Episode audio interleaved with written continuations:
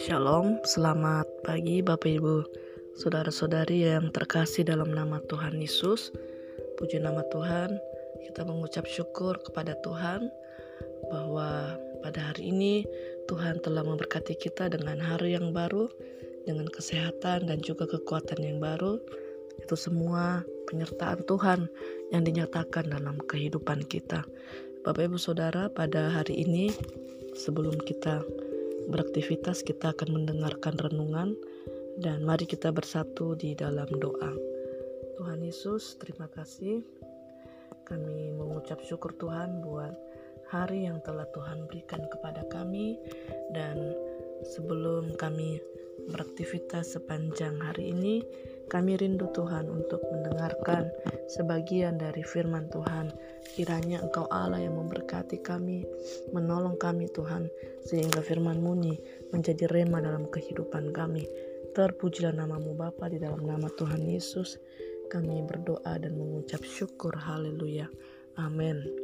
Ya Bapak Ibu Saudara, pada hari ini kita tiba di dalam kitab Yeremia, pasalnya yang ke-41 dari ayat pertama sampai ayatnya yang ke-18. Saya akan bacakan bagi kita semua. Dalam bulan yang ketujuh datanglah Ismail bin Netanya bin Elisama. Ia keturunan raja dan perwira tinggi raja beserta sepuluh orang kepada Gedalinya bikin bin Ahikam di Mispa. Sementara mereka makan roti bersama-sama di Mispa, maka bangkitlah Ismail bin Netanya dengan ke sepuluh orang yang ada bersama-sama dia. Lalu mereka memukul mati Gedalia bin Ahikam bin Safan dengan pedang. Demikianlah Ismail membunuh dia yang telah diangkat Raja Babel atas negeri itu.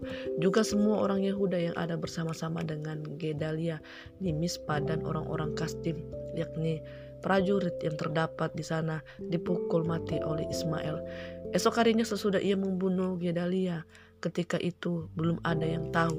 Datanglah orang-orang dari Sikem, dari Silo, dan dari Samaria 80 orang jumlahnya yang janggutnya bercukur, pakaiannya koyak-koyak, dan badannya bertore-tore. Mereka membawa korban sajian dan kemenyan untuk dipersembahkan di rumah Tuhan. Lalu keluarlah Ismail bin Netanya bin dari Mispa untuk mendapatkan mereka sambil menangis. Ketika ia bertemu dengan mereka, berkatalah ia kepada mereka, pergilah kepada Gedalia bin Ahikam. Tetapi ketika mereka sampai ke tengah-tengah kota itu, maka mereka disembelih oleh Ismail bin Netanya dengan dibantu oleh orang-orang yang bersama-sama dengan dia. Mayat-mayat mereka dicampakkan ke dalam perigi. Tetapi di antara mereka terdapat sepuluh orang yang berkata kepada Ismail, Janganlah bunuh kami sebab kami masih mempunyai perbekalan tersembunyi di luar kota, yakni gandum, jelai, minyak, dan madu. Maka ia pun membiarkan mereka tidak membunuhnya bersama-sama dengan rekan-rekan mereka. Adapun perigi ke mana Ismail melemparkan segala mayat orang-orang yang dipukulnya mati itu adalah perigi besar yang telah dibuat oleh Raja Asa untuk menghadapi Baisa, Raja Israel itulah yang yang diisi Ismail bin Netanya dengan mayat orang-orang yang mati terbunuh itu. Lalu Ismail mengangkut sebagai tawanan seluruh sisa-sisa rakyat yang ada di Mispa itu putri-putri raja dan semua orang yang masih tinggal di Mispa yang telah ditetapkan di bawah Gedalia bin Akikam oleh Nebu Nebuzaraden, kepala pasukan pengawal itu. Ismail bin Netanya mengangkut mereka sebagai tawanan lalu ia berangkat untuk menyeberang ke daerah Bani Amun. Tetapi ketika Yohanan bin Karya serta semua perwira tentang tentara yang bersama-sama dengan dia mendengar tentang segala kejahatan yang telah dilakukan Ismail bin Netanya. Nah, Bapak Ibu, kita melihat di dalam uh, pasal ini ya kita melihat bagaimana uh, ini sedang menggambarkan situasi yang sedang tidak baik ya atau situasi yang sedang kacau setelah kerajaan Yehuda secara praktis musnah karena telah dijadikan salah satu provinsi dari kerajaan Babel. Nah, ini ada merupakan nubuat Yeremia yang yang dulunya dan ini telah menjadi kenyataan. Ya, mereka tidak dapat lari dari penjajahan dan pembuangan ke Babel. Nah, Bapak Ibu, kalau kita melihat dari sikap Yeremia yang memilih tinggal bersama umat yang tersisa di Yerusalem, ya ini menunjukkan bahwa umat yang tersisa pada saat itu di Yerusalem pun ada dalam bekas kasih Allah, belas kasih Allah. Gedalia yang ditunjuk oleh Babel untuk memimpin Yerusalem juga seorang pemimpin yang baik yang peduli akan kesejahteraan rakyatnya. Nah, Bapak Ibu, namun ada orang-orang yang tidak mau uh, tunduk kepada kehendak Tuhan atau kepada perintah Tuhan. Nah, mereka ini ialah Ismail bin Netanya dan kelompoknya. Dan kita tahu bahwa Ismail adalah keturunan raja ya dan mungkin ia berambisi untuk menjadi menjadi raja. Dan ini secara diam-diam ia bersekutu dengan bangsa Amon untuk melawan atau memberontak kepada Babel. Nah, akhirnya ia membunuh Gedalia dan para pengikutnya. Bahkan kemudian dengan keji ia membantai ya kita lihat tadi sekelompok orang Israel dari Sikem yang tidak tahu apa-apa. Namun pada akhirnya ia harus lari mengungsi ke negeri Amon dan tidak bisa lagi melakukan apa-apa. Nah jadi kita lihat uh, sikap pemberontakannya.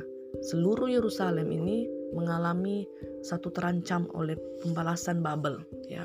Penduduk Yerusalem memiliki alasan untuk takut karena Gedalia adalah pemimpin yang diangkat Babel ya. Oleh karena itu di bawah pimpinan Yohanan mereka uh, akhirnya bersiap-siap untuk lari ya lari atau melarikan diri ke Mesir salah satu musuh Babel yang pernah menjadi sekutu Yehuda untuk melawan Babel.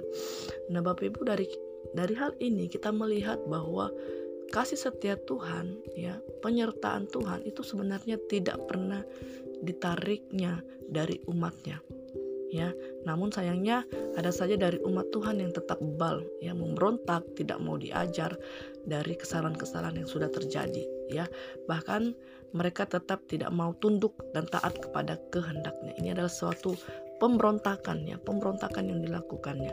Dan ini menimbulkan ketidaktaatan apalagi disertai adanya pemberontakan yang tidak pernah menghasilkan apa-apa selain penderitaan dan bahkan hukuman lebih keras. Dan kita melihat dari uh, ayat ini bahwa ketika kita mengeraskan hati, kita memberontak kepada kehendak Tuhan, maka uh, Tuhan akan bertindak atas kehidupan kita ya. Karena Tuhan memimpin kita membawa kita untuk menjadi orang-orang yang uh, menjadi orang-orang yang lebih baik lagi orang-orang tentunya yang mengenal kasih Allah itu adalah kasih yang benar-benar tulus yang Tuhan berikan kepada kita. Namun oleh karena adanya pemberontakan, oleh karena adanya Eh, sifat-sifat uh, yang mengeraskan hati sehingga inilah yang membuat murka Tuhan dan akhirnya Tuhan menunjukkan bagaimana Tuhan marah dan membalas setiap kehendak mereka perbuatan mereka.